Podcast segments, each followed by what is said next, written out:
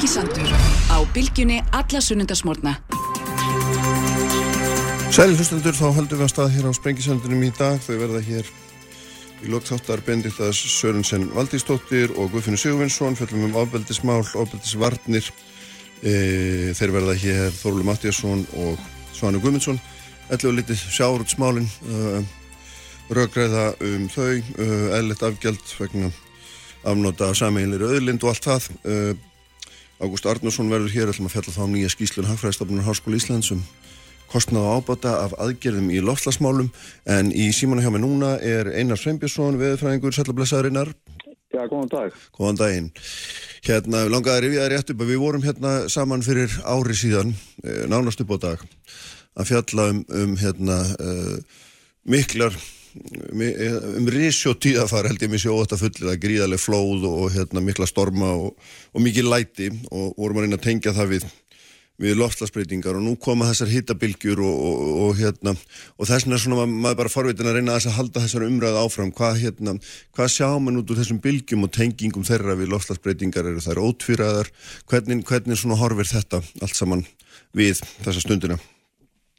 Já, ég held að það með segja það að þessi ótvíraðar sko, það er það er aldrei erfitt fyrir okkur að sýta hér upp á Íslandi það sem að gíslar sólarinnar er nú í raun og veru bara kærkomnir. Og sérstaklega á svona degins og þessum það sem er, er ákveðtis veður en tempraður hitti, 10-13 stegi hitti að gera okkar almennilega grein fyrir þessu sem að er, er, er að verða norm uh, hér fyrir sunnan okkur á meilöndunum bæði í Evrópu og Norður Ameríku en ekki tíður í Asíu. Og uh, að ég er sko, þetta eru þetta þannig að, að hlínun jarðar sko, hún veldur ekki bara því að meðal hittin að hann hækkar og þá mest kannski yfir stóru meilöndunum á norðurspili jarðar og síðan við, við heimskuldarsvæðin í kringum Salbarð og Alaska á þeim slóðum. Síður kannski úr útöfunum og, og, og í hægarið minnanlægi eins og á okkar stofum en þessi hlínun hún veldur líka breytingum á, á hálófta vindurastónum sérstaklega á sumrin. Og uh, þetta er þannig sko að mann hafa tekið eftir því sem á síðustu 20-30 árin að hálófta vindarnir þeir hæja á sér og það er kannski meðal annars vegna þess að það er orðið minni missitun á milli bóla og hittabeltis eða norðupólsins og hittabeltis en það var áður. En það er ekki bara þeir hæja á sér heldur þá breytaði líkum lögun á sér og það hefur aftur í förmið sér að, að hlýtt loft sem er þá eitthvað heldur dýr en það var áður. Að það kemst norðar og það liggur stundum yfir sömu landsvæðunum eh, eða, eða við getum sem líka sagt sömu heimslutunum uh, í einhverja daga og jáfnveil í vikur. Og það er það sem er að, að valda því að, að hittin hann brist svona fram með, með, hérna, með ægilunum tölum á einhverjum ákveðum landsvæðum í einhverja, einhverja, einhverja daga og þetta er ekki sömu landsvæðin eða heimslutarnir í ár og voru í fyrra. Í fyrra var, voru við að horfa meira á vesturströnd Norður Ameríku og þegar hittin fór yfir 50 stig í smábæ á í, í hérna nálat vangbúar, Líktón og sem þótti alveg með ólíkindum. Nú erum við frekar að tala um sæði eins og vestur-Európu Uh, Kína eða Suðaustur Asju og, og síðan kannski ekki eins miklu mæli en, en mjög heitt þó og rægt eftir því í svona miðluta bandaríkjana Texas og þar norður með og alveg norður til Kanada. Og uh, en á milli þessara, þessara öldu toppa sem hafa verið fimm uh, umhverfisjörðina núna þetta sumarið og eftir því sem að þeir eru fleiri eða herri bylgjutala þeir mun stöður að verða ástandi og minna hreyfanleira.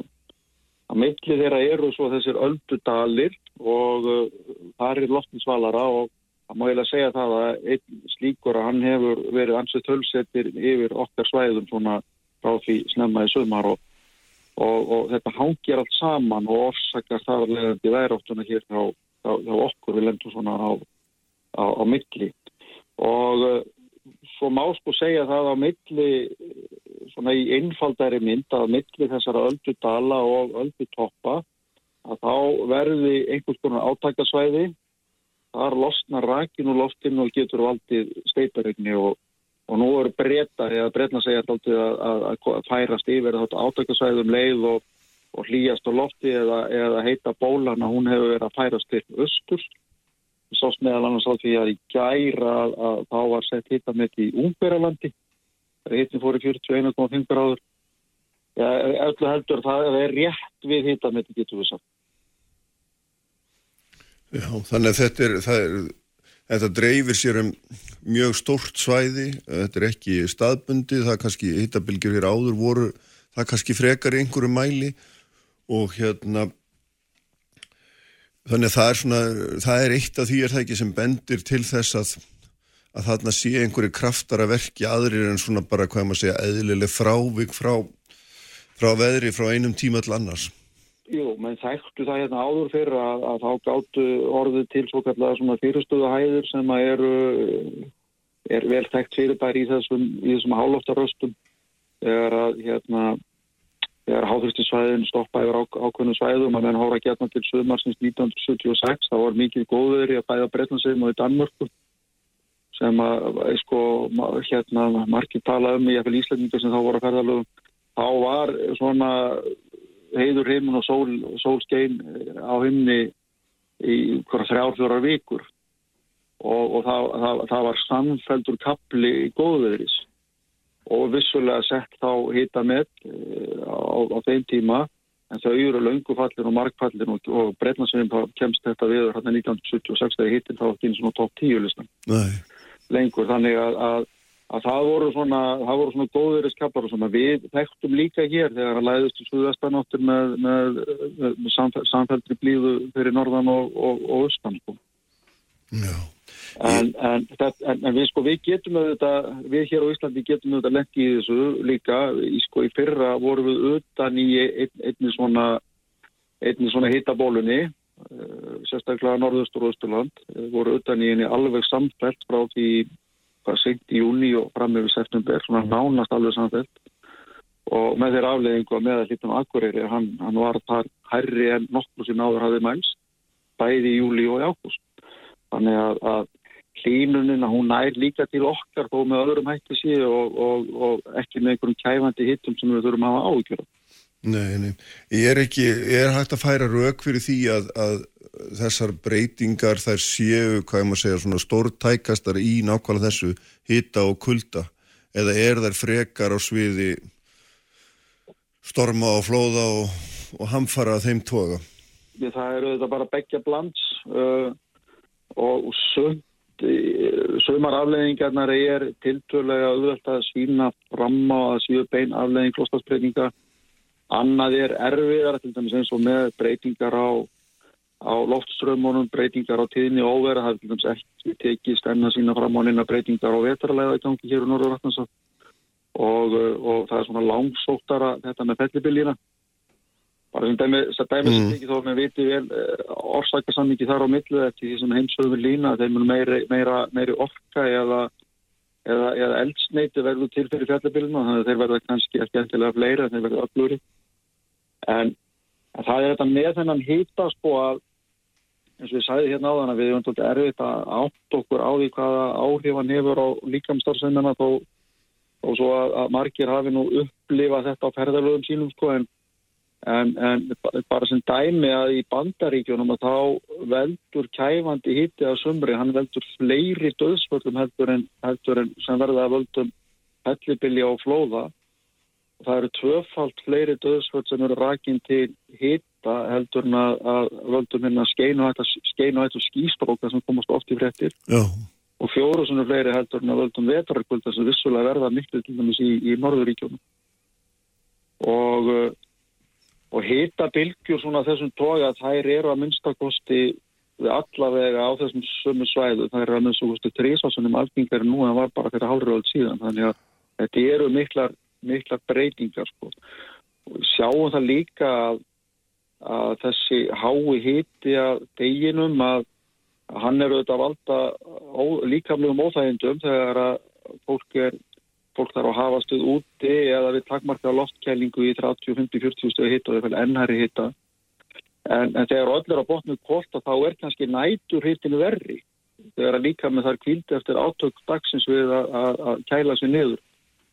Og, og í bandaríkjónum og sumstaðar í Evrópu að þá er stímunin að nættulægi að hún hefur mælst tvöfatt meirinn að degið þannig að þetta er, þetta er það sem er að valda heilbyrðisviðvöldum uh, hérna áhugjum og svo kemur komað það sem er rakan hann auðvitað skiptir líka mjög máli og og bara 32 gráður sem að virkar ekkert búinlega hár hitti í 80, þegar rakin er 80% sem er svona algengt rakast í þessu hér á landi. Mm -hmm. og mjög algengt til dæmis í Flórida og í Mexikoflóa og í meðraháslandunum uh, reyndar hann er, hann er nú heldur læri þar ekki, kannski ekki 80% en 32 gráður í hitta í 80% raka hefur svipuð áhrif á líðan fólks og, og 45 gráður eðimörkulofslega. Já. Þannig að á þessum stöðu núna er það búið að vera mjög heitt í Kína og Hong Kong og þar var nú sett eitt hittametti í gæri í Hong Kong, 88,2 gráður og það er loftið óheimurægt og hérna og fólki, fólk, fólk líður vítiskvalir að, að, að, búa þetta ástand. Ég sé það bara hérna í fréttum að, að ég held að það veri fyrir þetta 2002 að þá voru, voru sett ekki færi tíu hittametti í, í, í Kína einhverjum með suðausturlutan og það sem er, er, er mikill rækki í lotti og uh, það sagt að, að 900 miljónir íbúa eða 900 miljónir manna í Kína þurfa að taka tillit til hittan og daginn að hittan hafa áhrif á á, á, á á þann hóp fólks og hvað ef við tökum allt saman þá er þetta kannski hittabilgjurnar á sumri eru kannski að hafa áhrif með beinum á óbeinum hætti á, á kannski fjórhund mannkins. Og ekki, ekki lítil áhrif með það sem að áhuga gengið um þetta undanfærin ára og, hvernig sjá menn, sko, maður, maður, maður er fljótur að finna einhverja hugmyndur um það og, og alltaf með skamlar spár um það að þessi hitt í Breitlandi ætti aldrei að geta orði fyrir kannski fyrsta leið svona árið 2050. En nú er, nú er 2022 og hérna hann er kominn, ég meina, Er, er, verður þetta svona eitthvað að öllu óbreytt og eitthvað norm næstu áratugin eða hvað? Já, það er svo sem ekki að fullera neitt um það. Það, er, það getur vel verið að breytar fái samskorinn hittabilgi bara þessum í næstu viku eða þar næstu viku sko og, og við höfum tilhengu til þess að endur taka sig en það getur líka vel verið að þrátt fyrir hlýnandi loslaga þá sé þetta líka tölfræðilegur atbyrður í þessum nýja, nýja, nýja veruleika og menn sjá ekki svipa ástand aftur fyrir nefti kannski 10-20 ár. Oh. Um það er eiginlega ómögulegt að segja en, en, en, en það, er, það, það er nánast örugt sko að tíðinni uh, hásheita með að við það norm sem er búið við í hverju landi fyrir sig eða hverju ríki fyrir sig að, að hún á eftir aukast. Þannig að fjöldi, fjöldi heitra daga samanlagt yfir jörðina að, eftir, aukast en hvað þeir, þeir lenda á, á, á, hérna, á ákvaða tímum það er eins og er erfitt um að segja og við vitum það þó að, að sko náttúrun heiður það sér ekki þannig að, að, að þróast allt eftir beinni línu. Uh, óæntir hlutir þau koma ofta tíðum til aftan á okkur. Og, og hérna, en, en sko endanum að þá eru alla líkur á því og það hefur svo sem sínt í síðustu 50 árin að spár um hækkun með að lita á jörðinni muni ganga eftir. Uh, svona næstu, næstu hundra árin en hvernig þetta kemur til okkar og hvernig þetta byrktist uh, og, og hverjum stað fyrir sig, það er hins vegar miklu meira óvissan og ég hef verið, verið undanförnum sko að nefna það að, að, að hérna, við hér á Íslandi höfum ekki, ekki séð mikið af þessu, samanberð það að hita þetta hér á landi, það er komið til ára sinna frá 1939 Já, já, já og engin alvur og allag að veri gerð aftur síðustu tvo ára tíu sko. Nei. En meðalhittin hefur samt sem aður... Hm, já, já, já, já. En meðalhittin hefur samt sem aður hækkað, er það ekki sem að, hérna, þannig að þó að hún fáir ekki þennan topp? Jú, me meðalhittin á 100 árum hefur hækkað hér á landu 0,8 gráður. Og það er, það er aðeins ólíkt eftir ástíðum, það er að síst á vorin og framann á sömri en, en, en, frekast til á höstum og veitna sem að meðalhittin hefur hækkað. Og hitin hér hér á landi, hann er mjög tengt og sjáarhittan við erum þetta eigi átti niður aftansæð þannig að, að sjáarhittin hann ræður þess að þegar sjór hlínar hér við landi sem gerðist um aldamótin að þá fór, fór hitin líka upp og við fengum kannski hvað maður segja líðustu og sem við segja bestu árin. Eh, þegar sjónum við alltaf líðastu hér við land svona áraðum 2023 og, og, og fram með 2015 Já.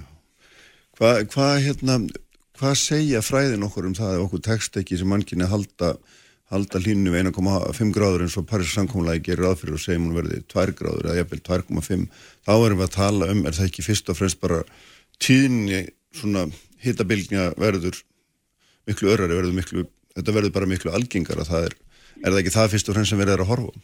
Jú, jú, ef við erum að horfa á, á, á þann hluta, en kannski það alvarlegast að ekki verður það gert og, og hittin heldur bara að, áfram að hækka með 17. takt og gert hefur, hann hefur gert síðust ára tíu, þá hefur þetta sko mest áhrif á í raun og veru möguleika jarðabúa til þess að afla sér fæðum og það er búið að sína fram á það með nokkuð óvíkjandi hætti að þurru svæði, að þurru svæði jarðar það sem úrkomur lítil að þau mögum stækka. Úrkoman í hildina mögum vissulega aukast en, en fyrst og fremst á þeim stöðum það sem að, að úrkomu skortur eða úrkoma er næg, getur við sagt. En svo hér á okkar breytagráðum, okkar slóðum. Það sem úrkoma hamlar ekki vext jarðagróðus.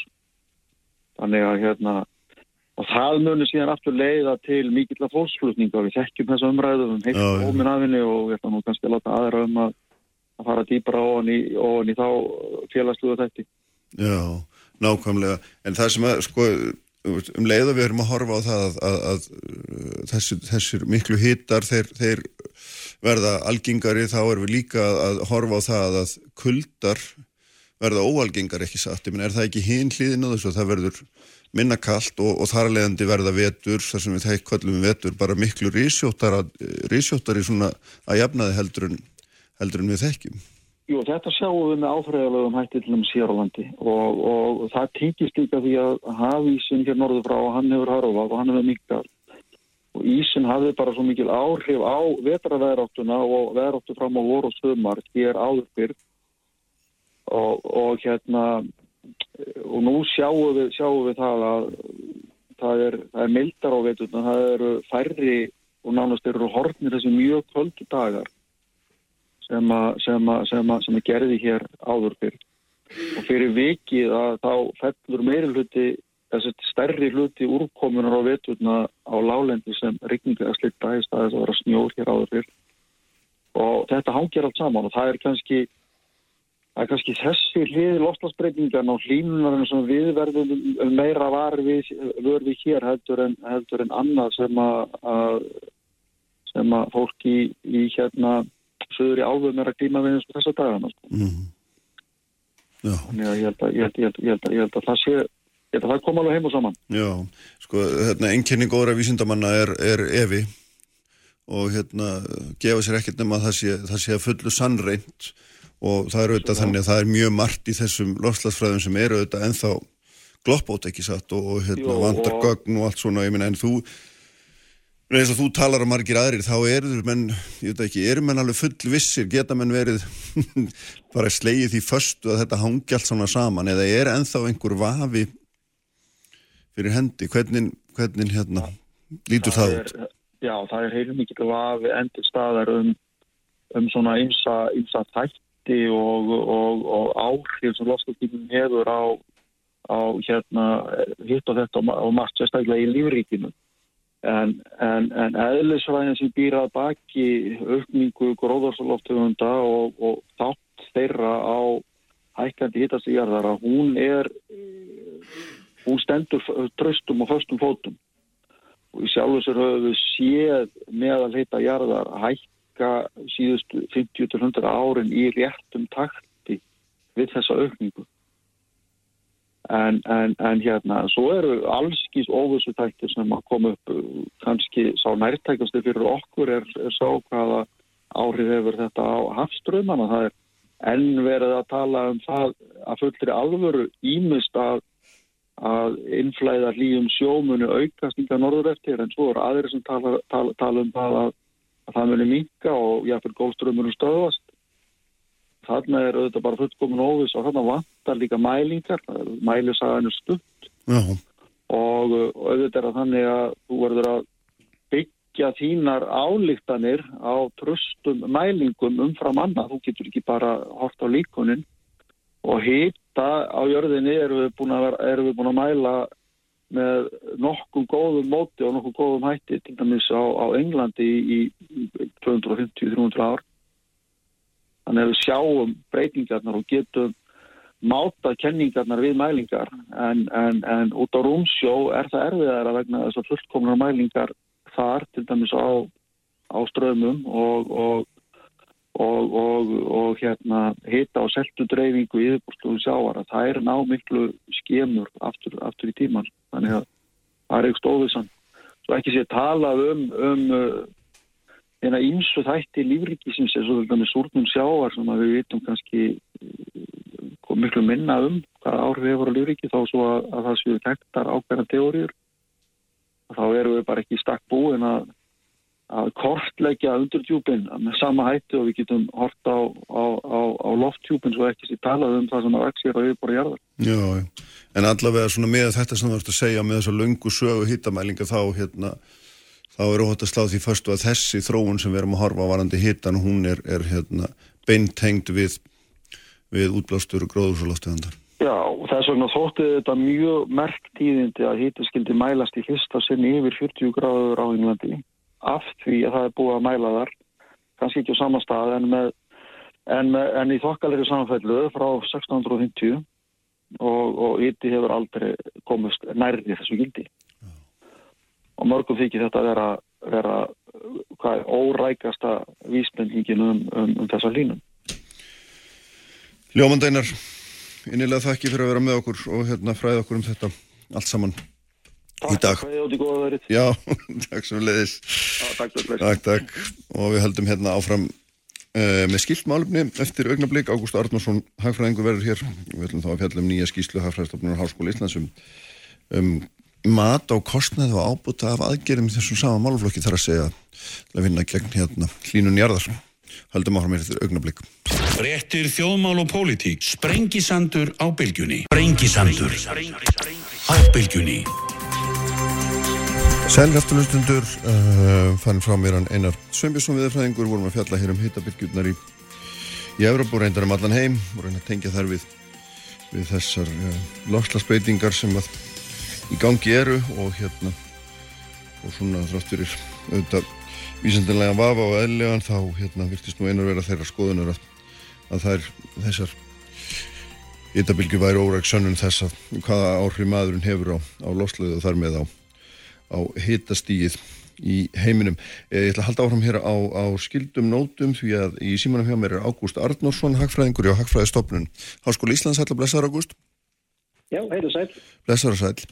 Heilu, þið voruð að hérna að senda frá ykkur skýsli að skrifa fyrir fyrir stjórnvöld skýslu um, um það sem þið voruð að reyna að fresta þess að finna út kostnað og ábata, ábata af aðgerðum í lotlasmálum. Já, og hérna fram, fram til þess að hefur maður nú svona hefur svo almenna skoðunur ríkjandi getur við ekki sagt að, að, að, að það er aðgerðið síðan svona í heldinni allar yfirleitt frekar ábata samar en hérna þetta þarf veita að skoða sko kannski bara svona hérna í fyrsta legi sko, sko hver, hver er tilgangur með því að meta svona kostnæð hver, hverju skilar þá, hvers konar tæki er, er svona greining á þessum þáttum Uh, já, það er góð spurning. Uh, kostnæður og þetta er í reyninni stjórnvaldstæki, einhver leiti að stjórnendatæki heldur þess að reynir að bera saman ávinning af einhverju og, og kostnæð eins og kemur fram í nafninu og hugmyndin er þá er einni að þú getur þá forgangsraða þeim auðlendum sem þú hefur. Um, við tökum, tökum þetta dæmi um það til dæmis eins og þegar við erum að borða eitthvað, þá sem þú myndið við nefndir að þú ert að borða eftir til dæmis, að þú verður bara fyrir í kalóriu fjöld að setja, þá brennur þau meiri kalóriu um að því að borða eftir heldur en að eftir geði þér sjálft. Þannig að í, í kalóriu mælt er þá er kostnæðurinn meir en ávinningurinn mm -hmm. af því að borða eftir. Og þá í saminginu við loftasækir er að þá er við, við leggja mata það að svimar eru áhrifríkar en aðrar og, og þá, þá sérlega út frá því hversu miklu peningum við að fjár, fjármunum við eigðum til þeirra. Já. Þannig að einhverju, þú veist, sem þetta einhver daginn til þessum aðgerri sem er komið það væru, sem við tölum að vera til til að hagkvæmar, að það er til dæmis auki landgræsla og skórækt og endur einn votlendis og í þeim tilfellum að þá kostar til til að lítið að efla skóræktina samanbúra við það hversu mikið kólefni við getum bundið að móti. Já, hversu, já, hversu mikið skórin bindur. Og, og það þýðir þá með öðrum orðum að hver króna sem þú setur í það verkefni á kostnæðarliðinni er að skila sér margfald ábata megin.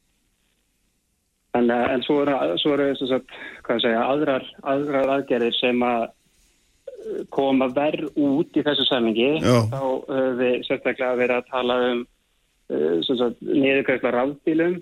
Það var þá urðun lífrans úrgangs líka og og einnig líka efla innlenda grænmetist framleyslu. Já, þetta er, þetta er alveg hérna, stórmerka niðurstöður en rétt á að við förum kannski aðeins nánar í þær sko, hérna, að því að eitt af því sem maður hlýtur að velta fyrir sér alltaf í svona hvernig vega menn saman uh, hérna einhvers konar kostnað, beinan kostnað við aðgerir og svo ábata það sem, sem er fólkin þá í samdrætti í losun eða endur heimt hérna, lands eða þess áttar að því þetta er svo eru svo ólíkir þættir.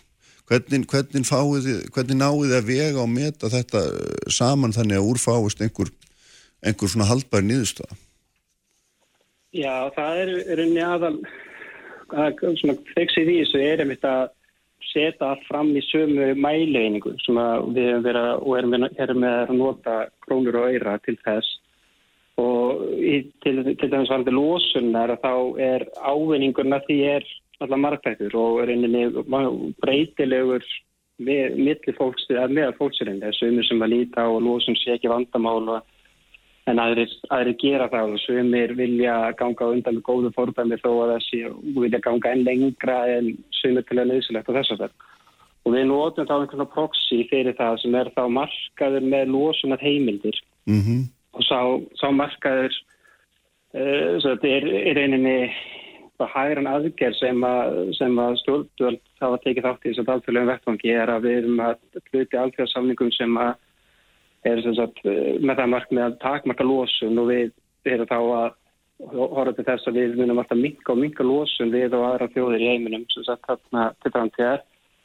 Og ef að við losum minna en þessi heimild nefnur og þá höfum við á því að framselja þessa heimild þessi, þessi losum heimild og hún gengur kaum og sölu á markaði. Og hér eru þá að reyni að ganga út frá því að markasöflin endur speikli þá að, að mestuleiti virði losunarinn. Þannig að þjóðir sem að myndu vilja losa meira en heimildin gefur þeim geta þá keift umfram heimildin sem aðrar hafa. Mm -hmm. Það er sááfinningur en að öðru leiti er margt annað sem að kemur til og við tökum alltaf sérstaklega fram í skýstunni hvað við náum ekki náum ekki utan um hverju sinni dæmi til dæmis varandi borgarlínuna er að, sem er eitthvað sem við tókum fyrir utan líkan eða ávinningurinn varð á byggðina þess að fyrir heildar borgarskipulægir og sem er það að einhver, einhvers konar ávinningur af þeirri aðgerð sem að við tökum ekki tillit til. Það er ekki vegna þess að við getum ekki metið að persi heldur er að það eitt og sér er bara mjög umfangsmikið mat sem að við, hvað er að segja, það, er okkur á Íslandi okkur skort einhver leiti þess að innviði sem að þarf fyrir reglulegt kostnar ábatamat mm -hmm. og þá, þá ég við þetta að þannig að við berum okkur saman við og í Evróp og annars það eru yfir höfu að meta þessa þætti til, til, til að reglulega við gerum þetta gert í sambandi við umferð, afstöðu til áhættu í umferð, uh, loftningun og þess að þar. Og einhverju tilvægna getur við tekið þessi erlendum öll og höfum yfirfært þau yfir Ísland sem er einhver reyti umdeitt. En varandi borgarlinna þá er það að þetta sértæk aðgerða það fyrstir unni algjörlega sjálfstætt mat á, á þessu skipaðarstættin sem mm. er það eitthvað sem við skiljum fyrir auðvitað. En í kenningu þá ættum við alltaf að taka til allra áhrifa. Já, já, já, til þess að fá heildar myndina en, sko það sem þú erum búin að nefna það nokkra þætti sem er mjög forvittnilegir og þarna nefnum nú borgarlínuna sem hefur verið gríðalega mikið umræðinu og eftir því sem að mér sínist þá er svona ykkar niðurstaða svo að, að að fjárhastlegur ábati af henni í þessu samhengi liggi bara einhversta næri nulli, hún sé einhvern veginn hlutleis og, og það sé ekki af henni þessi gríðarlegi ávinningu sem að hefur verið látið hérna, að liggja. Já, það, við að vísu reyndar höfum þetta reyð okkur tölverkt á mat mannvit og kóvi sem að gerðu sem sagt hérna kostnar ábata mat á borgarlínni og það er einmitt út af því að við erum að taka þetta til heilda pakka en við hefðum svona í best, já, sem best hefði náttúrulega verið að við höfum ekki geta gert okkar heilstæða mat á borgarlínni líka. Um, við, við setjum, það erum ekki kannski sammóla allir í nákvæmni hjá mannvit og kóin og reynum að nýta það sem við getum frá þeim en höfum til dæmis uppar tímaverði. Að þau er að nota danska mæli hvarða á tímaverði sem sparast með borgarlínni sem að við teljum einhverju til þetta séu of háir. Og við höfum þá sagt, með að við við launagögg frá hagstofunni til þess að hérna, á þetta tíma virði að hvernig tíma sem sparast síðan var þetta borgarleina einnig að þessi helsti ávinningur af henni er sem sagt fyrir þá sem eru nú þegar að nota almenni samgöngur. Borgarleina gerir vissulega ráð fyrir þeir að þeim fjölgi og það sem er, er positív en enga síður að þá verða ennþá einhverju sem að sem að keira á, á engabíl og hérna og, og borgarleginn hefur það mitt einhver, sögja þessum að þetta hefur einhver leiti neikvæð áhrif á þá. Þannig að hún mun, borgarleginn mun þrengi gödunar sem að þeir þá að þeir sem eru á engabílum að þó að margir færist frá engabíli yfir í borgarleginn og þá eru þeir sem að er eftir engabílum er að sjá fram á allavega einhver tíma tíma kostna að þetta getur verið aðeins lengur legin heldur en annars var. Uh, og það en í stóru myndinni þá er það ábati þeirra sem nota almenningssamlingungur hann eikst það mikið að það vegur meira en þessi þáttur Já. en er að þá sjáum við ekki að það sparist það mikið lósun á þessum vel annars til þess að Segja, til þess að þessi aðgerð borgi sig einmitt vegna þess hversu dýr hún er í framkvæmt. Já. Ávinningurinn sem við erum að horfa til er, já, en þú segir, fyrst og fremst þess að minni hlósum kólefnis og þessi tímaspartnaður, en, en aðgerðin er þetta dýr. Já, þannig en, að fjáraslegur ávinningur af þessu versus spörun í losun er alls ekki ótfyrraður. Nei, í rauninni ekki og var þetta borgarlinna sérstaklega þá kom fram í, sem sagt, í við erum það áttum samtal við ímsa aðeins við gerðum þessari skýslu og það til dæmis komið fram aðtáðsendu við það að borgarlinnan væri netin sem loftast aðgerði yfir höfu. Hún, en þetta er sett fram sem hluti af aðgerða á stjórnanda og, og það er þá, er þá þannig. Við náttúrulega erum, erum einhver leiti að taka við beðli bara frá verkkaupa. En það er þú réttlættir ekki borgarlínu einu sér með hérna með þessum hérna losunar áhrifin það er alltaf að virðstura klárt. Já, en þegar, því, þegar maður skoðar þessar skýrslíkur og því eru að draga upp hann ímsa myndir af þessum kostum sem þið eru að skoða þá náttúrulega eins og nefndir á þann þá, þá er hérna þá er þetta sko langsamlega hagkvæmast er að, er að ganga betur um landið getur við sagt. Það er að segja ráðast í skórætt og landgræðslu og endurhend votlendis og sérstaklega maður ber það saman við síðan eins og þessa borgarlínu sem við erum að nefna sem, sem stakt dæmi að þá er gríðalegu munur á sko, fjáraslegum og líka er það ekki loftslagslegum ef maður orða aðsnalega ávinningi í, í, í þessum samanbyrði Jú, jú, ef maður horfir á hvað hverja krónu sem er sett í verkefni þessu mikið um skila sér losa kólum, svo það er vissulega rétt. En að einhver leiti er, er þá mitt eins og ég komin á að, að ég tek undir þess að það sem við tengum annar staða frá að, að sko borgarlegin er ekki bara lofstafsækjur þannig að eins og fyrir utan líkan er þessi skipilags ávinningur sem við já, náum ekki utanum en, en jú sem en ég, ég, ég ímyndum er að segja svo einhver leiti sjálf líka sko þegar þú ert að byggja trí að þá er það það sem að, sem að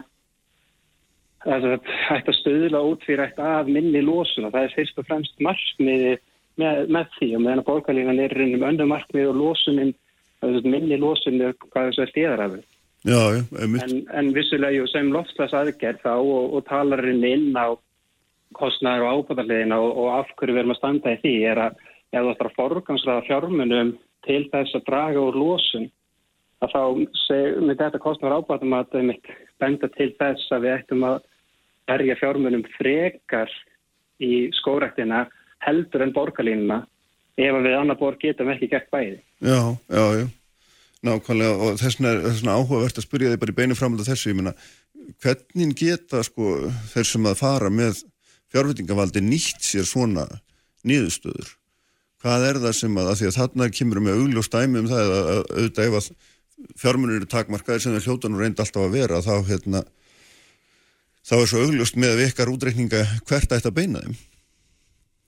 Já, akkurat. Og það væri þá í þessu tilfelli til dæmis myndum við sjá á næstu fjárlögum að ef að það er því þessi aðgerðar á stjórnvalda væri sett á fjárlög sem heil og segjum að það kosti eitthvað x uppæð að ganga í, í þessar hlatna áallanir að þess að aðgerði segja allar og ef að uppæðin sem kemur fram á fjárlögum er minni en þessi heildakostnað við allar aðgerðirnar að þá ættur að fara að byrja á þeim aðgerðin sem er með hæsta núviði og, og ganga síðan niður línuna. Og það segir okkur líka ef við erum að meta aðgerði sem er með ótfyrir að ótfyrir hafla í þjóðstöðu samviki, þess að svo neikvægt út úr kostnarrabatumhattinu, að þá er það að annar borð aðgerð sem að þú ættir ekki að ráðast í. Og eru dæmi um þetta í þessum aðgerðum stjórnmaldar sem að sérstaklega eru ætlaðar til þess að hafa áhrif og loslasbreytingar að þær séu áhrifum að þeim séu raun og veru neikvæð?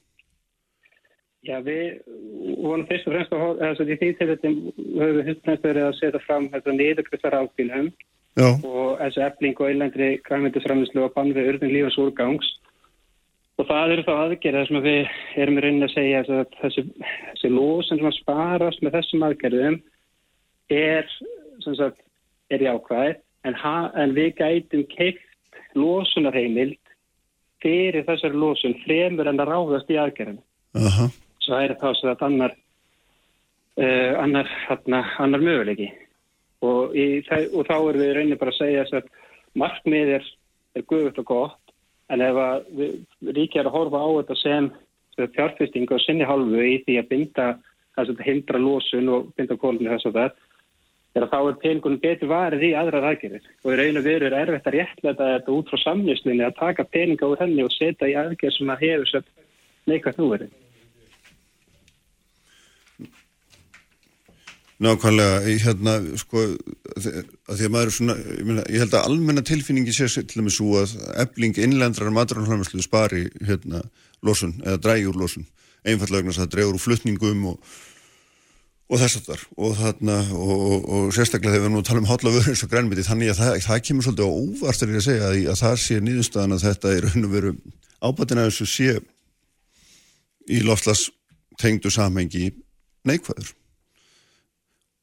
Já, jú, erum kannski skýtu skökku við svona fyrst og sinn en það sem að við erum að alltaf kemur fram í greiningun hjá okkur er að með þessu útferð sem við fáum í hendunar og þá sjáum við að það er hérna, það kostar eitthvað, það er áallega kostnær við þessu eflingu sem er þá, þá framlýslu hliðinni og við erum á sama tíma að keppa um hafðkomni framlýslu við aðra fjóðir sem er satt með tölvöld meiri starf hafðkomni heldur við. Þannig að hver framlýtt eining bara hver framlýttu tómatur er til dæmis miklu ódýrari í framlýstu á spáni þar sem ég er núna heldur en heldur nefn á Íslandi þá er það orðið spurningin um bara þarf að, það þarf að flytja hann á milli. Þegar við erum að framlega græmið í Íslandi erum að gera til dæmis í gróður sem þess að það er en hérna til dæmis í bara beint út í glukka hjá mér að er að vaksa tómatar bara í sólinn. Eh, þannig að það er svona, er orkulitin í þessu. Síðan er sagt, flutningum með, við erum horfað til þess að flutningum með skipum losar óverulega í því samingi. Þannig að sagt, Jú, þetta horfum bara á þetta losunulega séð að þá náttúrulega losu við mynd, þá verður myndi losun út í andrúrsláttin með því að framlega græmið á Íslandi heldur en við flytjum þetta til Íslands. Mm -hmm. En að móti kemur að þá erum við að eigða fjármunum í það að íta undir þessu framleyslu innan lands á Íslandi við, og við þurfum að bera það sama við það hvað gætu við gert annað. Gætu við kannski sett ennþá meiri pening til dæmis í skórækt þannig að þá myndum við getum við réttlægt þessa losun í flutningi erlendis frá Aha. eða getum við keift losunar heimil og svo framvegs. Já. Þannig að þegar að stjórnmöld er að lesa þessa skýslu og að skoða þetta allt saman þá, þá þarf að fara fram með einhvers konar svona forgangsröðunar mat á því hvar í raun og veru og með, með, svona, með fjölbreyttum, með fjölþættum hætti hvar í raun og veru fjármennum okkar þessum almanna fjármennum er best fyrir komið í þessari, þessari baráttu og það er greinlega ekki hérna, það er greinlega ekki jafn beint af augum eins og, eins og menn segja. Nei, ég raunin ekki. Og, og samanskapið líka er við rauninni fáið þessar aðgerri sum, til okkar til um að sumar eru vel útferðar meðan aðrar eru minna útferðar og það sem að útferðsum, endalega útferðsum líkur ekki alltaf fyrir þá er óvissan um það maður meiri en önnur. En að samanskapi er enginn bundin af því að fara eftir þessum niðurstöðum hann að borð og ég skilta svo sem alveg að um að segja þessi spórstjórnmálamann að að þú hengir þig á þetta mat og þá er þitt vald sem, sem stjórnmálamæður er þá reynir takmarkast með því. Já. Þannig að það er þá hana, það er náttúrulega þetta sjónum. En eins og í bröldu sem við byrjum okkur sama við eins og er í til dæmis í Európu og hérna Vestanhafs og þess að það er að að þá er þetta mat, þess mat af þessu tægi er í rauninni með einhvern veginn sama formi og bara til dæmis umhverfismat á Íslandi.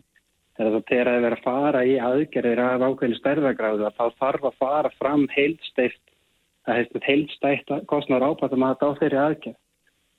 Og þá voru einni tölvast umfóks meira en það svo við gafum gert í þessu, þessari skýrstu líka. Þannig að það er, ég meina það er eitthvað sem OECD hefur bent til dæmis á ítrykkað á Íslandi er það að við þurfum að rauninni að bæta okkur að miklu leiti í, í framkvæmt og, og úrvinnslu á, á mati af þessu tægi og skýrsla borðið þessa er rauninni bara kannski leiti breyta fyrsta skrifunum í þá átt Já. Það er frólægt Takk fyrir að vera hérna með mér ágúst og okkur og gefa okkur ins, insinn í þetta og ég vona að sé ekki alltaf heitt að það hefur á spáni.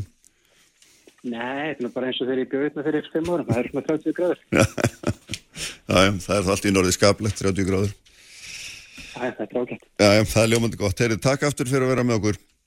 Já, takk fyrir mig. Já, takk, og hérna við höldum áfram hér á eftir. Ætlum að tala um ábeldisvarnir í lok þáttur þau verða hérna Benedikta Sörensen Valdísdóttir og Guðfinnur Sigurvinsson en við ætlum að fjallum sjáróðismál uh, hér á eftir Þóróli Mattíasson og Svanur Guðmundsson verða hér hjá mér. Sprengisandur. Á bylgjunni. Uppspretta frétta á Sprengisandi. Á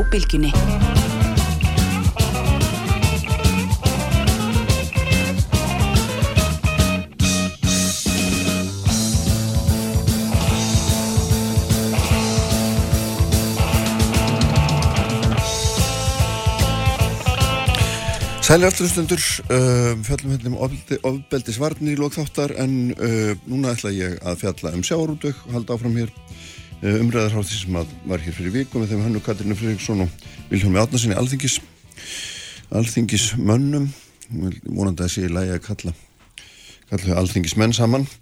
Uh, e, Þeir eru sestir hérna hjá mér Þóróla Mattiasson, professor og Svanu Guðmundsson sem er sjáarútsvæðingur, rekkur fyrirtæki Bláa hagkerfið, sæliblasaður, báðir tveir, velkomnir. Og þið hafið náttúrulega skrifað báðir mjög hérna margt gott og, og greina gott um, um þessi mál og þarna það sem að svona, ef maður kannski rammar þetta inn að, hérna, að gera þessa sölu og vísi einhverju algjöru úrslitatrið að þá kemur auðvitað í ljós í henni að það er verið að verð með þetta óveitan fisk í sjó uh, mjög hátt. Og það, það fælst í, í því verði sem að þarna er greitt og menn rekur í róastans og spyrja hver á þannig fisk og hérna er sangjart verið að greiða fyrir hann og svo framvis og menn hafa líka verið að takast á um það og ég veit að þeir eru anstæðar skoðunum um það hver raunverulegur ábati er af því af þessum íslenska sjárútvegi, margir sjá offsjónum yfir húnum og aðri tellja hans sé, sé nú alls ekki sá sem að hérna, menn halda og mér langar aðeins að reyna að hérna, komast eitthvað aðeins áfram í þessu hérna, þórulegur um að byrja á þér sko, þú veist hérna Indrið Háþólarsson hefur haldið fram að sko eðlert afgjald af fyrir veðréttin væri svona 40-60 miljardar ári og þú hefur verið einhverstað nærri þeirri tölu Já, bara áðurnum tökum það að því að þú nefndir, að því að þú nefndir hérna söluverðið á vísi að það væri hátt. Það má deilum það vegna þess að ef við lítum á upplausnaverði fyrir, upplausnaverð fyrirtækisins að þá er það sennilega helmikið og lágt. Jaha. Og þá getum við spurt uh, af hverju er eh, hérna vill ekki síldavinslan borga herraverð, af hverju er engin annar aðili sem að vill borga herraverð og af hverju voru þið tilbúin til þess að selja. Og ég held að það endur spekli e, það álit innan greinarinnar að fyrir að síðar að þá verði lögð miklu hærri veiðigjöld á greinina og að það muni rýra framtíðar virði e, kvótans um helming. Uh, og, og, og það segir okkur þá hvaða svigrum er þarna til staðar í þessum viðskiptum. Að þau, þau, þau sín okkur að, að það er talsvert svigrum til að til, til að, að til gjaldtöku þannig að almenningu fái réttláta greiðslu fyrir fyrir e, þessi Þetta er.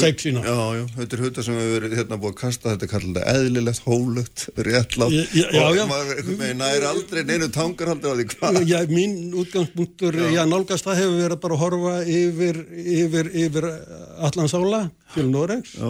og þar í, í olju innaðinum að þá taka þeir 78% eh, tekju skatt fyrirtækja í oljumislunni. Það er mjög flókið regluverk í kringum það og, og, og sem að beinist að því að, að trubla ekki fjárfestingar áhuga oljufyrirtækjana þegar að norðmenn byrjuðu á því að, að taka þetta háa gjald að þá ætlaði Philips Petroleum og, og önnur fyrirtæki í, í oljuvinslunni að, að lappa út og skella eftir sér hurð. Þeir hafa ekki gert það.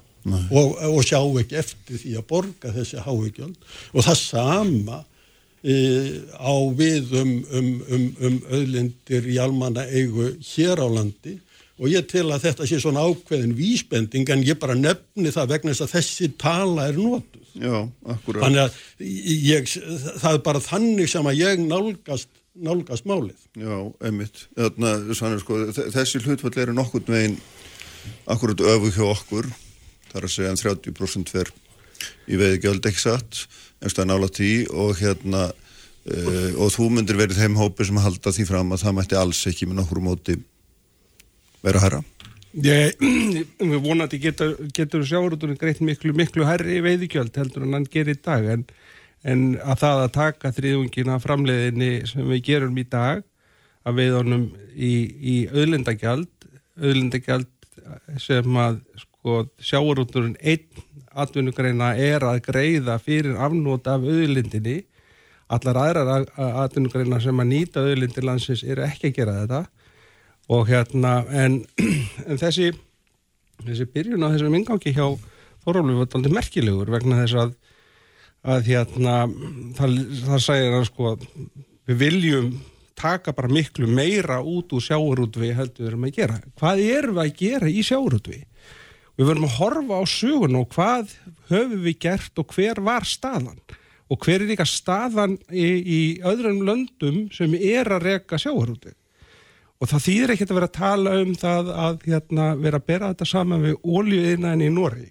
Það er allt annar yðnaður og það er allt annar fyrirkomulag. Það, það, það, það, stendst ykkar skoðun að vera að bera þessar þessar tvær atvinnungur en þessar óljudælingu og, og sjávarútveg hér norður í Allasafi.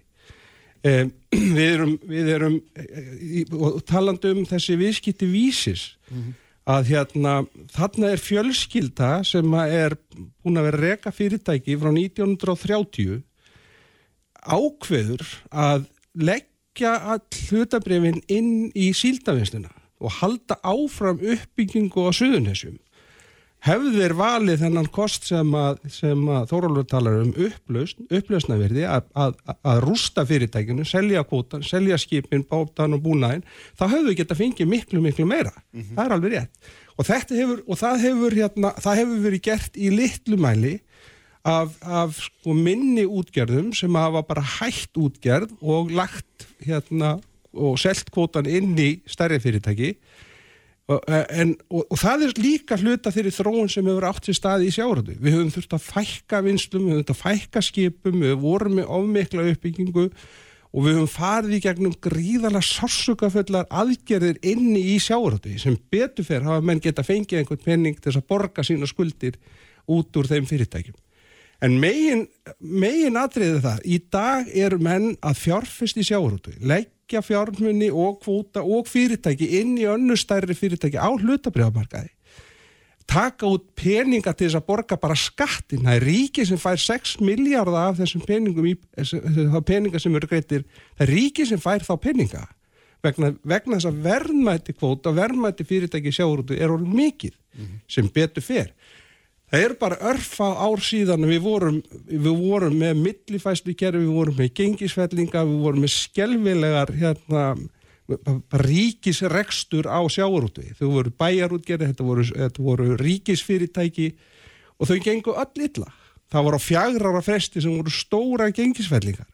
Þessi tími er liðin nún eru fyrirtækin sjálfbær veiða og sjálfbæri stofnum á ábyrgan hátt halda uppi vinnu í sínu byggðalögum mm. þeim hefur fækka vissulega byggðalögun en þau, þau byggðalög sem eftir eru sterk, fólki er að fara er byggir hús á þeim stöðum og, og það eru mennir að græða.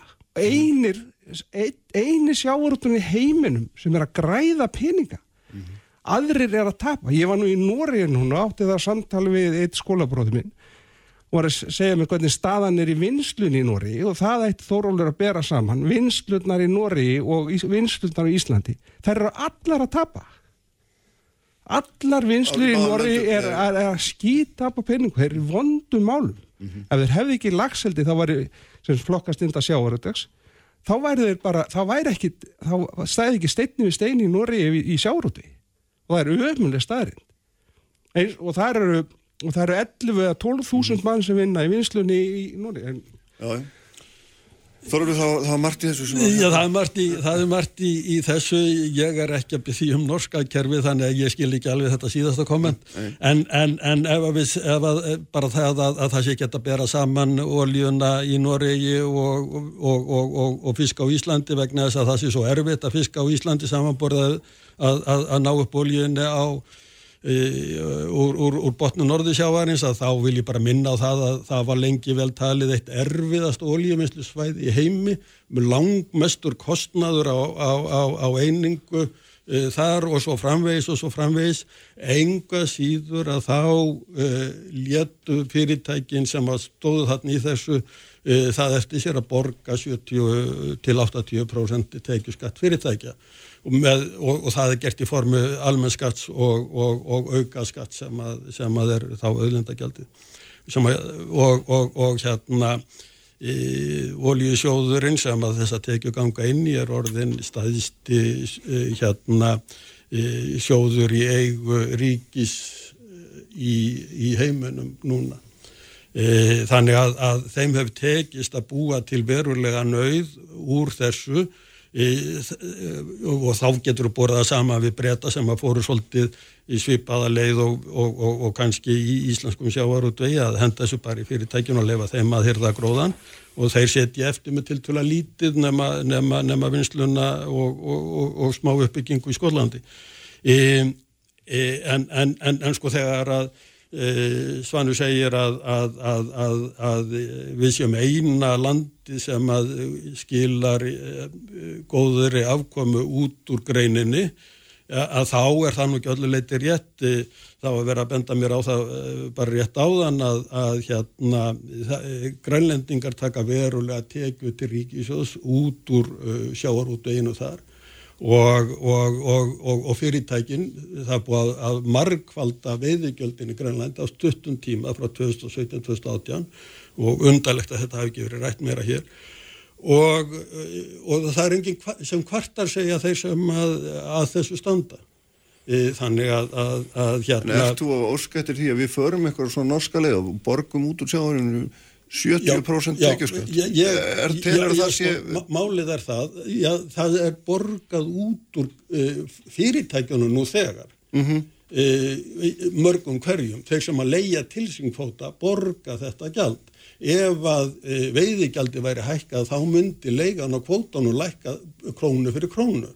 Þannig að það er bara spurning hvert gjaldið fer ekki hvort það sé innheimt. Og þá er spurningin, viljum við að e, þessi fjármunir sapni saman í fyrirtækjum sem síðan ganga um og kaupa upp önnur fyrirtæki e, í stórum stíl, eimskip og svo framvegis, e, blanda sér jafnvel í helbriðismál e, og, og, og blaðútgáfu, svo ég nefnu bara nokkur dæmi, þar sem að útgerða fyrirtæki eða eigandur útgerða fyrirtæki eru, e, eru hérna með tök í, í ó, alls óskildum ræksturi.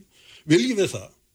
Eða viljum við að fyrsta grein fiskveiðstjórnumlagana, það sem segir að þetta sé eign íslensku þjóðarinnar, sé virk. Mm -hmm. Um það snýst að í Nóri þá hérna e, settist með niður og stórþingið einróma 1973 minnum mig samþykti oljubóðorðin 10 þar sem að er lögð grundvalla stefnan að tekjurnar eigi að fara til norsku þjóðarinnar og það er gert í gegnum fulltrú á norsku þjóðarinnar sem að er norski ríkisjóðarinn. Mm -hmm, mm -hmm, mm -hmm. Þetta er náttúrulega hérna líkil spurningir svonur. Ef peningarnir eru þannig, hvert eiga það er að fara? Sko, eiga það er að fara til þjóðarinnar með einhverjum hætti, með einhverjum öðrum hætti en nú er? Sko við, bygg, við, byggjum okkar, við byggjum okkar samfélag á því að það eru einstaklingar sem reyka fyrirtæki og við hefum hlutafélag á formi þar sem að fyrirtæki fá að rekast innan þeirra regluverk sem að, sem að alþingi setur hérna landinu og, og af því að hagnaði borga menn skatta. E, eins og ég segja enn og eftir eina, eina greinin sem greiðir auka skatt fyrir er sjáurútuður og og það, ég, ég hef ekki nennu í mér að, að tala um norska óljusjóðin og norska óljauðin Þa, það hefur, kemur bara málinu akkurat ekkert við mm -hmm. í þessari umræð. Við erum að tala um sjávarútun, hvað við erum að gera í sjávarútu í Íslandi og á sjávarútuðurinn að borga meira heldur en aðrar atvinnugreina sem eru vel reknar á Íslandi. Ég segi, segi nei, En á móti er sjávarútun, hann er tilbúin til þess og hefur við gert það og, og, og, og er, er að greiða auðlendagjald umfram aðra aðtunumgreinar og um það er sátt.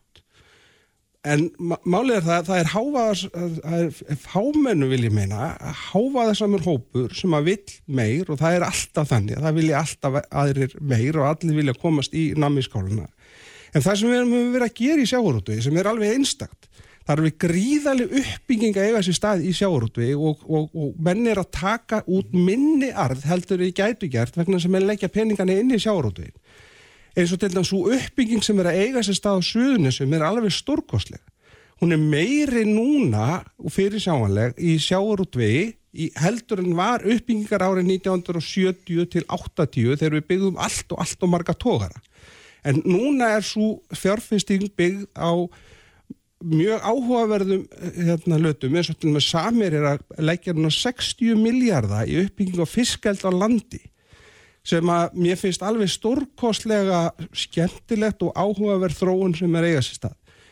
Svo vinsla sem að, sem að er í gangi í Grindavík að ég er alveg sannfarður um það með þeim kvóta sem að þeir eru með fyrir austan síldavislan að þeir munu taka hann og, og, og bæta hann við í Grindavík og auka hátæknivisluna og þá flugfiskin sem að fer frá Grindavík. Suðunessin eru að græða á þessari uppbyggingu og það verður mjög áhugavert að, þró, að sjá þá þróun sem þar er mm -hmm. og því að sjávarúturinn er að leggja peningana inn í sjávarúturinn og byggja hann upp og gera enn betur. En hann tekur náttúrulega líka mikinn arð, eigandurinn taka sér mikinn arð út líka sem að margir telja sér í hlutfalli við það sem hann greiðir til ríkisins, allt og hár. Já, það kemur alltaf að því, menn vil alltaf meira, ríki vil alltaf meira og telur sig, en, en sko en ég tel að fyrirtækin eru... Finnst þér sjálfum að hlutvöldin séu í lagi eins og þau eru núna því að þetta er eins og sammeila öðlind sem við erum að veiða úr ekki satt. Hvernig, hvernig hugsaðu það í þessu samingi? Auðvitað er eðlilegt að fyrirtæki og eigandu fyrirtæki greiði sér arða fjárfestingu alveg eins og spari fjóra eigandu sem okkur eittur að fá vexti á sinni fjárfestingu. Hlutfalslega heldur en og við, horfum, við verðum að horfa á fleiri ár heldur en bara eitt eða einhverja punktstöðu uh -huh. þegar vel gengur. Við, verðum að horfa ár og veistu, þegar menn byggja skip þá er menn að horfa á 20 ár og jafnvel 40 ára uppbyggingu og þróun. sko, sjávarútnin hefur verið að taka minna hlutfastlega út við horfum árin aftur í tíman og ég held að, að fjölskyldan hjá Vísi hafi aldrei tekið sér út arð í, í arðgreislur menn er að gera þetta í hérna, miklu minnamæli fjárfestingin hefur all farið inn í fyrirtækin. Og það, það, og það eru svo mjög mörg dæmi en, en í umræðinni hefur það e, og, sko, og, það, og það hefur ég sagt við uh, kunningja mína sem ég þekki sjáur út við þeir hafa staðið sér bara illa í því að segja hvað þeir eru að gera góða hluti. Og, þeir, það er hávaðinn sem hefur verið hann hefur verið á einn veg. Við viljum meir, við viljum taka meir út. Mm -hmm. Já, það er rýmislegt í þessu. Ég, ég, ég veldi nú fyrir mér sko svanu hvort og telur að, að fyrirtækin séu að niðurgreiða fjárfestingarnar og síðunisum geta þær ekki staðið undir sér sjálfar og staðist bara venjulegt e, heilbrygt e, fjárfestingaferli? e, með, með, með því að fara í gegnum lánastofnanir og, og fá lán fyrir því eða, eða er, er, er sjávarútugurum virkilega niðurgræð. Ég veit það til dæmis með vísi að þeir fóru í útrást til Kanada sem að þeir komið með skottið á millilappana eftir að hafa gert og það má segja það að, að þú finnur mörg dæmi þess í sjáurútveginum að menn hafa verið í svona ákveðinu ævintýramennsku sem að hefði kannski ekki verið farið út í ef að það hefði verið heilbrygt Eh, ferli í, í kringum eh, fjárveitinguna. Nú varðandi það að sjávarútvegurinn taki eh, hérna lítinn arð út, sko máliða það að, að, að, að reikningarnir fela það svolítið, það er ekki nóg að horfa á arðgreðslur og, og þess áttar eins og það koma fyrir að skeppnunni, það verður að fara aðeins í brófinreikningana og þá koma þess, þessi, þessa greiðslu til þeirra sem hafa farið út úr greininni, vaksna greiðslur vegna fjármögnunar og, og það allt saman, það kemur inn í, og, og skekkir þessa mynd og e, við, ég hef nú tekið þátt í því með, með, með, með tveimu félagum mínum í Trómsö að, að er í gegnum það að, og, og, og ennmitt að finna út hver er munurinn á arði í greininni eins og byrtist í, í, í bókum fyrirtækjana og síðan auðlindarentunni. Og það er mikill munur á því og það er alveg rétt eins og þú hefur verið að benda á í, í bladagreinum að að, e,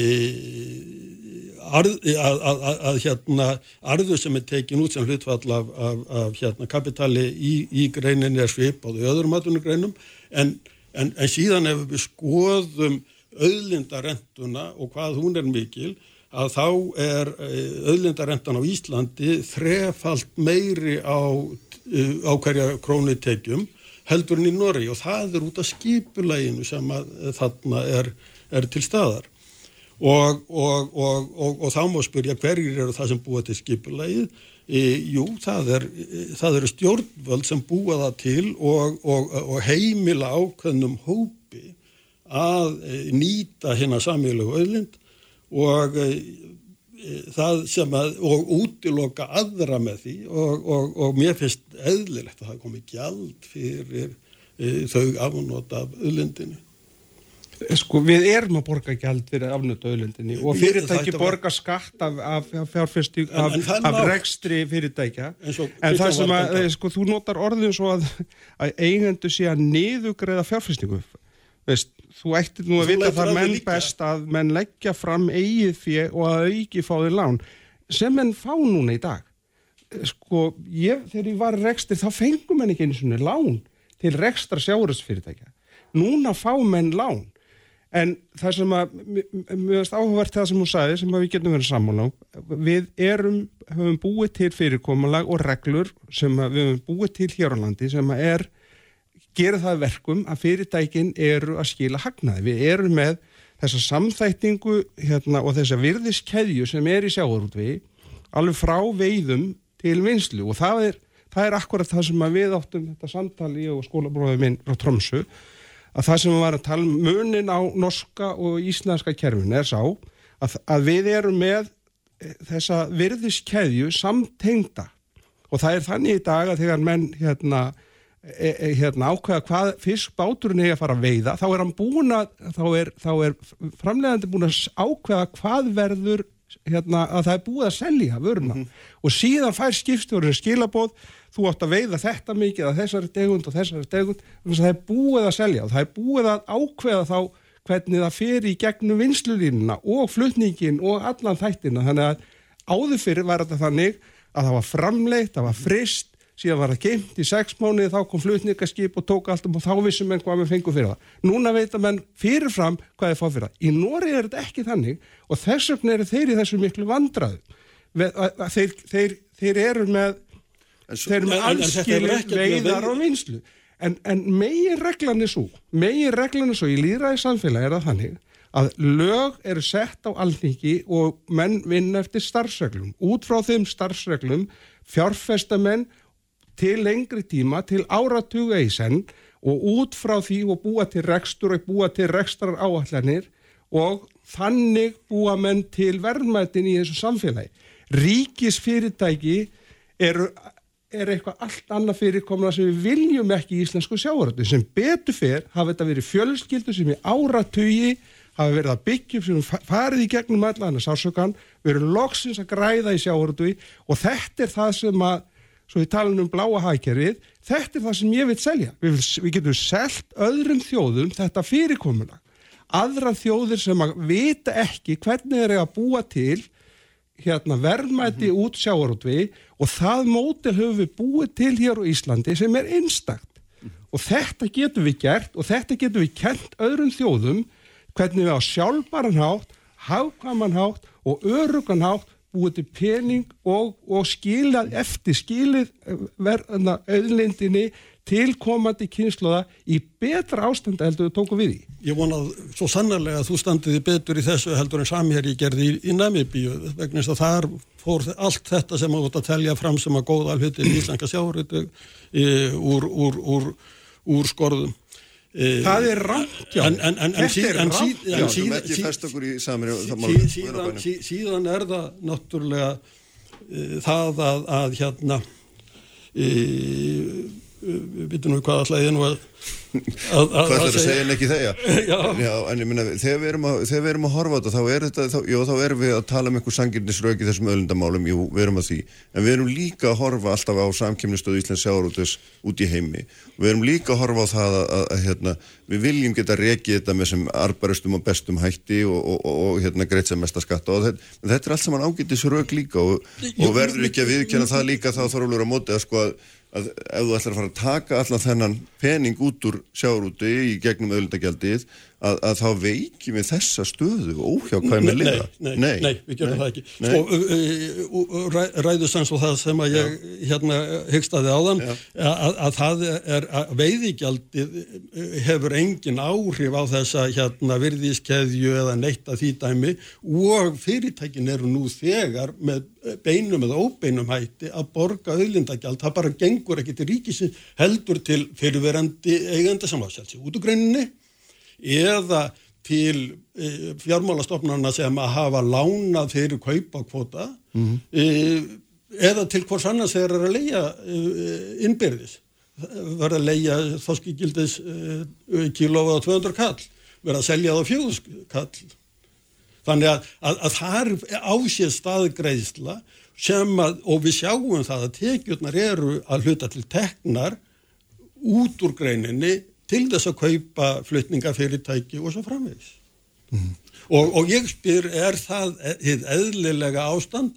Viljum við að, að, að, að hérna uh, nafngift Agnesa Bragadóttur um, um, um, um, um kvótagreifana að það festist til frambúða til næstu 200 ára. Viljum við gera börnunum og barnabörnunum og barnabörnunum börnunum okkar það? En það er náttúrulega þannig í öllum atvinnuröstur sem skilur einhverjum arðið þar kaupum en hérna, þar setjum við peningan eitthvað og stundum við hannu fyrirtæki við getum jú, jú, ekki en, sett en, hömlur við því að einhver sem á í sjárúti hann eignist í nei, vestlum nei nei, nei, nei, nei, en það er bara á, á, í krafti þess að fá ókeipis uh, greinin fjökk ókeipis hérna aðgangin að þessum ykkarétti sem er að veiða. En fengu ekkert ókeipis, Þórólfi, það, það er sem að þegar kvótin var settur á þá var, hans, þá var verið að draga saman veiðinnar því um helming.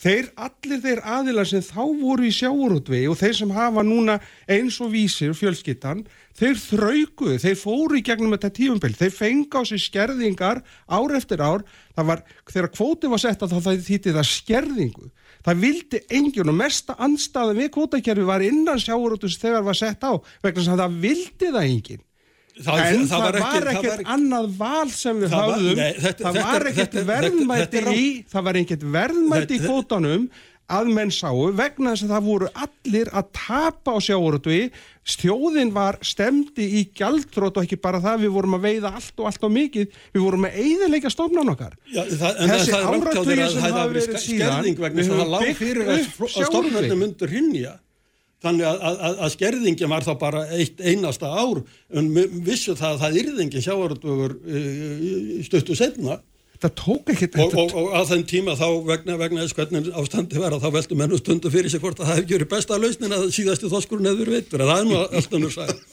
eh, Hérna, Svanur, ert, ert þú þeirra skoðunar að, að þetta, að þetta, þetta afgjald sem greitt er fyrir að, aðgangin að þessari auðlinn sem eru þetta takmarkaður, það er alveg ljóst, hann er takmarkaður, að það sé eðlilegt sangjart og, og hérna, rétt með eins og því er stilt upp núna. Finnst þér það vera þannig? Ég, mér, mér finnst miklu eðlilegra að sjávarúndurinn myndi greiða eins og fyrirkomulega er núna, þá er það að greiða fyrir afkomuna síðast árs. Já. Það væri miklu eðlilegra að þeir myndi greiða hana bara þess að þryggja mánuða fresti. Já, en, en óháð yrði- fyrirkomlæni, nú erum við bara að tala um þetta hlutfall af tekjunum sem fer í nákvæmlega þetta greiða þjóðinni sem á auðlindina fyrir aðgangin að þessari takmörku auðlind. Er, er, finnst þér það vera bara nákvæmlega rétt eða finnst þér það og mikið eða lítið, að við höfum alveg heyrt tölur sem eru tíu sinnum hærri það sem gengur, ég meina, hvað hva liggur Ég þú? sko, þær tölur sem Þórólfur hefur nefnt og sumir skrifar þarna sem fréttablaðinu, þær eru bara þvæla. Það sem menn er að tala um 30, 40, Takk- takk fyrir einkunnina. 30, 40 miljardar sem hægt er að taka út úr sjávarútvi, það myndi rústa sjávarútunum. Það er alveg, það er alveg ljóst. Hvar finnst En- þér en- rétt, rétt að við mig liggja? hvort, ég bara get ekki, ég get ekki svarað þeirri spurningu, það er það sem að það sem að, veistu, það, það þyrftir í raun og veru að rannsakast miklu betur og það er líka, það er líka eitt sem að hefur verið sko allt og lítið inn í umræðinu hún hefur verið svo frasikend, hún hefur búin að vera svona slagorðakend, þar sem menn henda fram alls konar staðhæfingum um að reikninga séu vittlusir hjá fyrirtækjum eða það er að taka 20 miljardar út úr þessu annað Við settum til dæmis það með stærð fyrirtækja og stærðar hámörkum fyrirtækjana, það, það var sett á 12%. Af hverju? Það var bara, stengriðum stakk bara pötunum upp í loftu höfum með 12%. Það, það, það var bara ákveð. Við erum búin að ná nokkur eins og umræðisátt, umræðisátt innan gæsuleipa um 30% í, í, í öðlindagjald af, af framleg útgerðarinnar. Ætti það að vera 40% hvaða áhrif hefur það? Vi, vi, við reiknum okkur ekki fram til á vísindalagan hátt hvað er eðlilegt afgjald og hvað er mikil uppbygging og hvað, hver er, hver, er, hver er fjárfestingaþörfunni sjárótu? Ætl, hvert ætlum við að stefna? Eh, eigum við að stækka fyrirtækin sem er á hlutabriðamarkaði með því að gefa þeim auknar heimil til að vera stærri? Eh, eigum við að setja reglur um í hverju sjárótsfyrirtæki megi fjárfesta? Veist, hvað ætlar að hvað, hvað, hvað ætlar að stjórna miklu og hvað ætlar að hafa mikið frjálsæði og hvernar og hvernar ætlum við að láta sjáurútverið njóta vafans og, og, og hérna halda áfram að gera það sem við erum að gera. Ég held að við séum á rosalega skemmtilegri braut með sjáurútveginn í dag. Við stöndum svo alltaf á krossgötum svo uppbygging sem við þurfum að, sem þarf að eiga sér staði í, í lagseldi til þess að styðja við sölun á hvítafískirum við þurfum að fara þá, þar að lengra og þar eru gríðarlega tækifæri í jarðhitanum og annað og það eru tækifæri í því að búa til biofúður sem eru sko, nota jarðhitan til að búa til beinti prótein.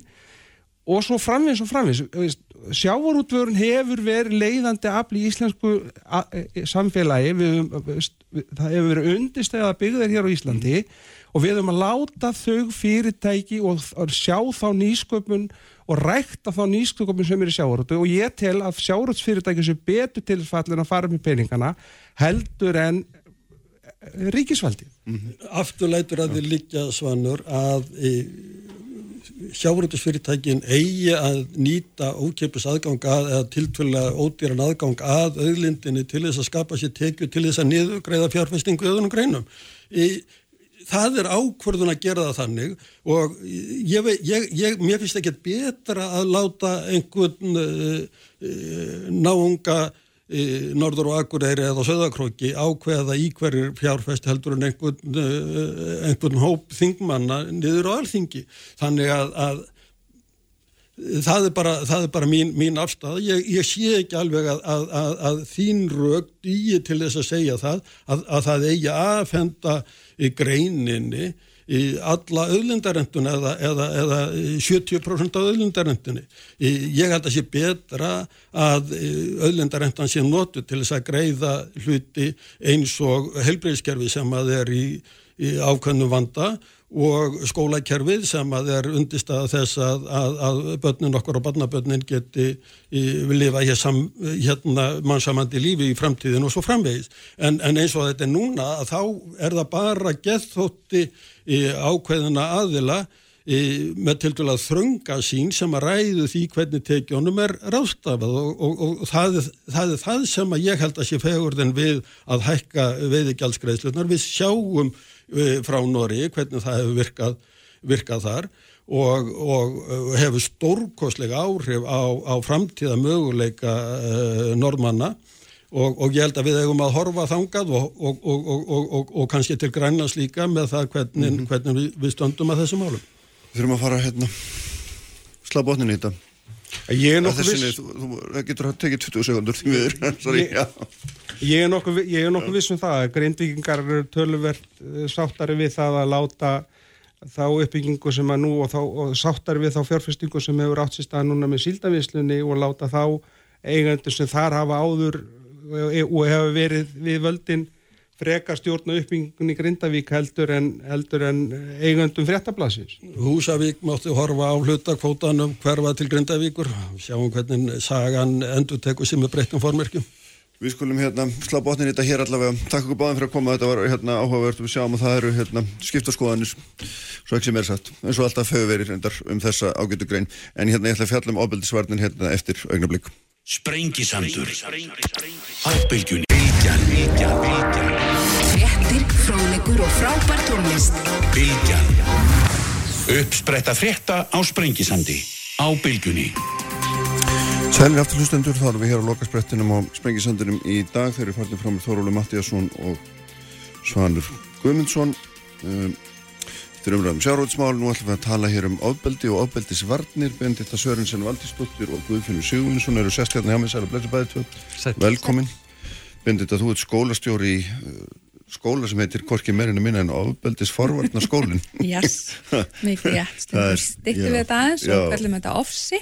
Ofsi, já, já. En hérna, en já, ofbeldisforvarnar skólinn. Já, og hérna Guðfinnur, þú ert í, hér ertu með þann hatt að þú ert Þú ert hérna ráðgjafi dómsmálur á þeirra gegn uh, kynbundnu ábeldi og ert líka verkefnastjóri í hópu sem hefur verið að vinna tillögur til þess að draga úr eða, eða setja fram hugmyndir um hvernig Já. er þetta verjast ábeldi svona fram í tímanu sem að segja sko. Já. og þar eru þið, þið eru saman í að, að þessu átæki sem heiti Góða skemmtun. Og, og hérna það sem þið eru leggið til að fólk skemmti sér fallega í sumar á bæjarháttuðum og útíháttuðum er það ekki? Jú, mikið rétt, mikið mm. rétt. Við, já, þetta er svona annar áfangi þessi starfsópu sem þú vísaðir til mm. var settur uh, á um áramótin og þetta var svona forgangsverkefni hjá Jóni Gunnarsinni, dónsmálaráþara þegar hann tók við að gera mikinn skurk akkurat í þessum málum.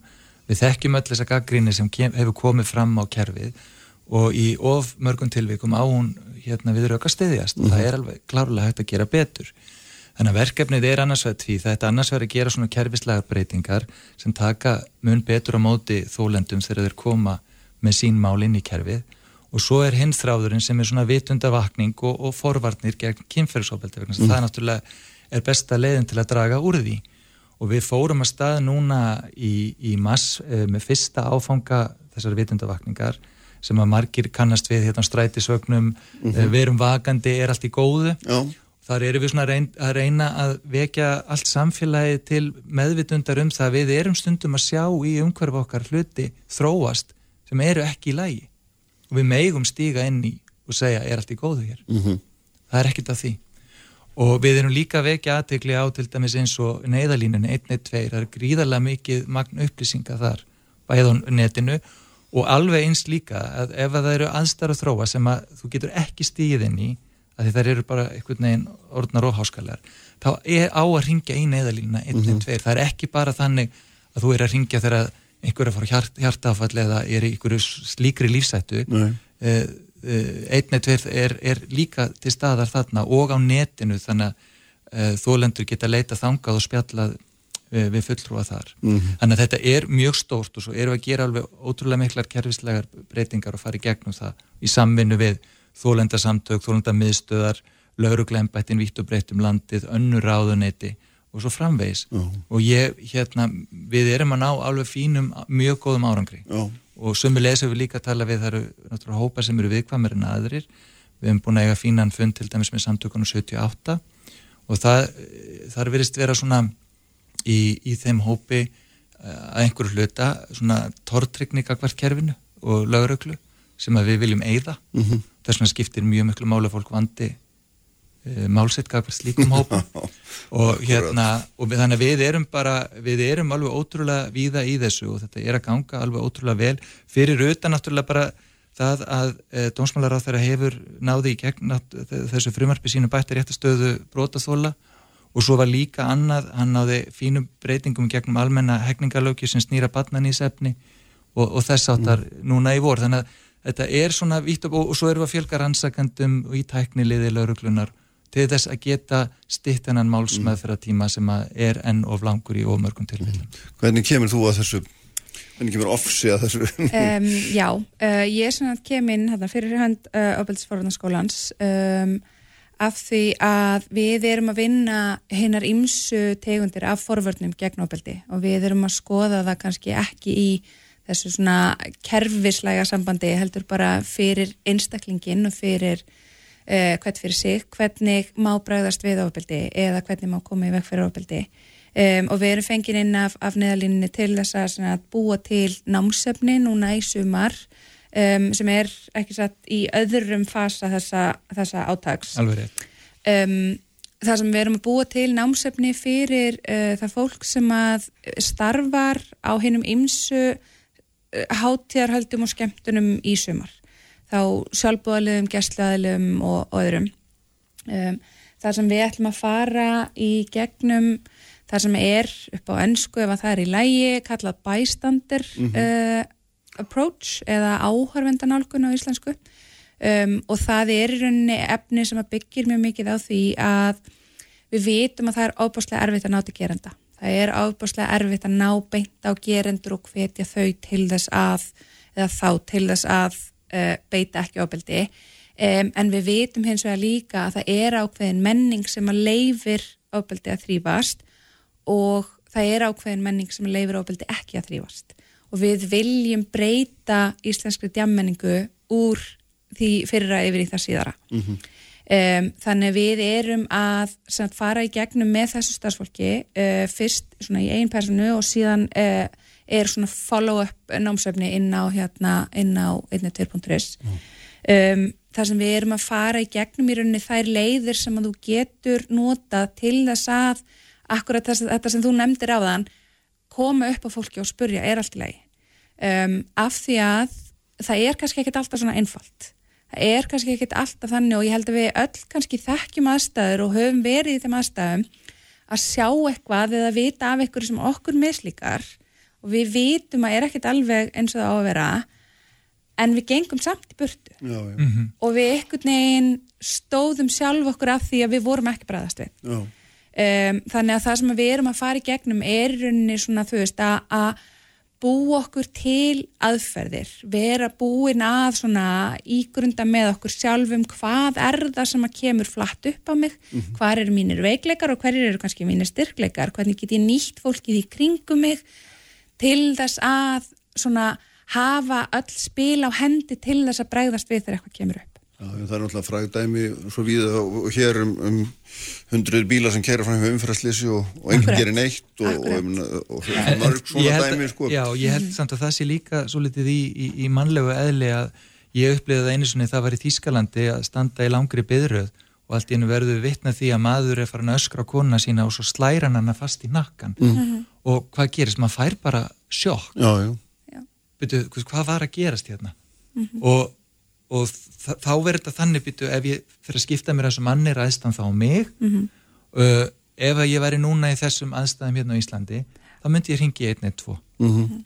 og segja, herðu, ég er hérna stattur í Östustræti, hérna í Byrröð, hér var maður að gera þetta. Mhm. og það, það, það verður rétt Og núna. Já, tveir við því þá? já, já, það er gert. Það er Þá ekki bara á að svara, við höfum nú nei, nei, nei, nei, nei, nei, lögregla hérna er á staðnum og er send með, með hraði Mhm. í, í slíkt. Þú veist, þannig að fólk á að gera það og, og þessi fræðsla sem hún var að nefna uh, við erum að koma þessar fræðslu núna mitt í þessar útiháttíður í gegnum þennan annan áfanga sem að hefur þetta þessa yfirskrift góð skemmtun. Við erum að hvetja fólk til að skemmta sér vel til þess að vera að halda þetta. Uh, og við erum að beina þessu á öllum hátíðum. Það er ekki bara þjóðutíði eigum sem hefur verið svolítið mikið tekið, tekin út fyrir svega en við erum í góðu samstarfi vissulega við þau og aðra. Um að þjálfa sjálfbóðarleðana og staðarhaldar og alla í því að, hérna, að bregðast rétt við. Mhm. og, og ég held að það sé mjög mikils virði vegna þess að það eru svo miklar upplýsingar inn í kerfinu. Mhm. og það er annað líka sem við eh, hérna, ætlum að gera í framhaldunum það er að deila með svona aðgengilega hætti tölfræði um þessi brot. Já. og markmiðið er í raunin að fjölga tilkynningum og fækka brotum.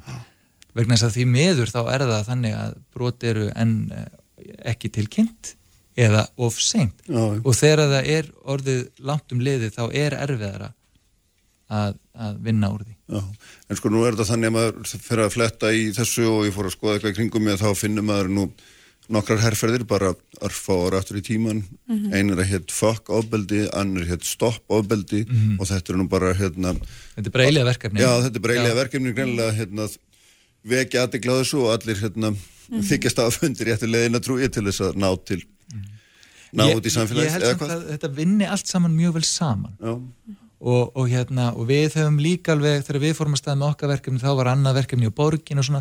Og við höfum bara ringt, ringt hvort í annað og reynt að vera ekki að rekast á og svona. Þetta er bara gamli málsátturinn aldrei er góð vísa of oft hveðin og, og hérna, það er engin patentlaust til. Og ég held að þessi starfsópu sem ég er í, hann er ekkit síðasti starfsópurinn um þetta málefni. En ég bind voni við að, að hann muni samt ná miklum árangri í rétta átt. Og þannig eru bara þessi mál. Og hérna, en, en, en þú, við finnum það öll að svona samfélagsvitundin, hún er orðin allt allt önnur. Og ég held að allir finni það gerendu líka að þólinnmæðin eða umburðalindið eða hvað við segjum, það er bara miklu miklu minna. Já, einmitt, það er mjög merkilegt að hérna sko að því við erum komið svo langt í umbralindi Mhm. og það hefur þróast svo mikið á undarförnum áratugum held ég mér svo að segja þá er maður að lesa það núna að, til að mynda samkynir, transfólk hérna, uh, finnst vera eitthvað bakslag í umbralindinu uh, hérna, neikvæðum að fara að herra og við þurfum ekki annað en að skoða hérna, umali ríkisaksóknuna sem er nú hluti af dómskerfinu. Vara ríkisaksóknara. Vara ríkis, ríkisaksóknara er það víst já fyrir geðum hérna, sem hafa nú ekki mikla aðtegli og ekki jákvæða heldur maður ekki með svo að segja og síðan líka sér maður að það er nú ekki bara held ég tveggjar og komin skýsla um það að fatlaðir verði mjög gerðan fyrir ofbeldi, þeir kærið ekki og, og það sem og gerendur þeirra fá í vægari dóma heldur en aðrir. Þannig að þetta virðist einhvern veginn er svona innbyggt í systemið sko. Þetta er náttúrulega þannig að, ofbeldi er sko bæði kerfislegt og samfélagslegt mein sem er allstaðar, bara absolutt allstaðar og þess vegna bindum maður miklar vonir við þegar að, að embætti, eins og til með embætti ríkislauglustjóra uh, og dómsmálaröndi viðurkenna og átta sig á því að það er vandamál til staðar þar líka. Uh, og öll við sem að erum virkilega bara svona eyða öllum okkar tíma í að, að berjast gegn ofbeldi uh, við erum búin að vera að býða eftir þessu og fólk eins og þau sem að gengu druslegönguna í gær eru búin að sko öskra þetta eins hátt og hérna heyra vill í óbúslega langan tíma og það er komin tíminn til að hlusta. Þannig að, að já, svo sannarlega það hafa verið gerð átök og þau hafa verið að bera árangur en við þurfum hellings árangur í viðbót og einmitt, þetta verður ekki, ekki sí- síðasti starfshópurinn sem að verður hérna gerður en, en við verðum samt hald, að halda áfram með baráttuna í góðri trúum að einmitt það er verið að, að vinna saman. Uh, og það er þannig að við erum að vin, byggja almenning og fólk almennt um að hjálpa okkur til þess að minka svigrum uh, þeirra sem að beita ofbeldi um, í þeirri góðu trú að þau sem að taka við síðan símtalinu og taka við málinu, þau viti að það eru brotalamir þau viti að tröstið er ekki til staðar og að það þarf að vinna enn harðar til þess að vinna upp þetta tröst og til þess að laga þessi mál uh, inn í öllu kerfinu. Já, eh, sko til að mynda eins og með falla fólk það var tekið eh, aðeins á því í þessum breytingum á almennum hegningarlögum hann í vor, þessar breytingar sem þeirra gerði, að styrkja eins umgjörunu það, en að því þú nefn, nefnir þetta bakslag, já, ég meni við áttum alveg frábæran fund með samtökunum 78 þar sem við, og ég er að fara að tala þar á málstofu núna í, í byrjun næsta mánar um þessi mál.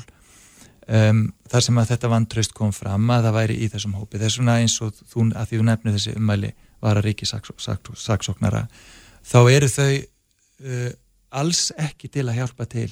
Uh, vegna þess að ef fólk eru að upplega kerfislega fordóma þá voru þau uh, afar óvönduð að mínum viti, ég er sjálfu samkynniður mm.